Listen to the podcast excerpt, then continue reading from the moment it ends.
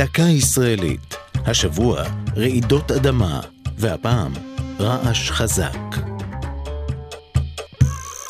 רעידות אדמה חזקות מתרחשות בארץ פעם ב-80 שנה בממוצע. אחד התיעודים המוקדמים ביותר לרעשים כאלה הוא מתקופת בית המקדש השני.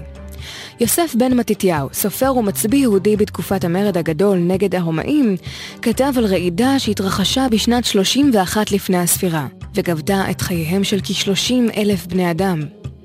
בחלוף אלפיים שנה, ב-1995, התרחש במפרץ אילת האירוע הססמי החזק ביותר שנמדד בארץ, בעוצמה 7.1.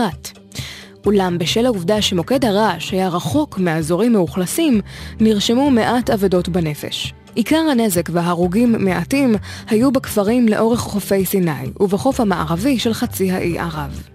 רעידת אדמה חזקה פחות, אך הרסנית הרבה יותר, התרחשה ב-1927 באזור ים המלח, והסבה נזקים בערים בכל רחבי הארץ, בהן שכם, טבריה, רמלה ולוד.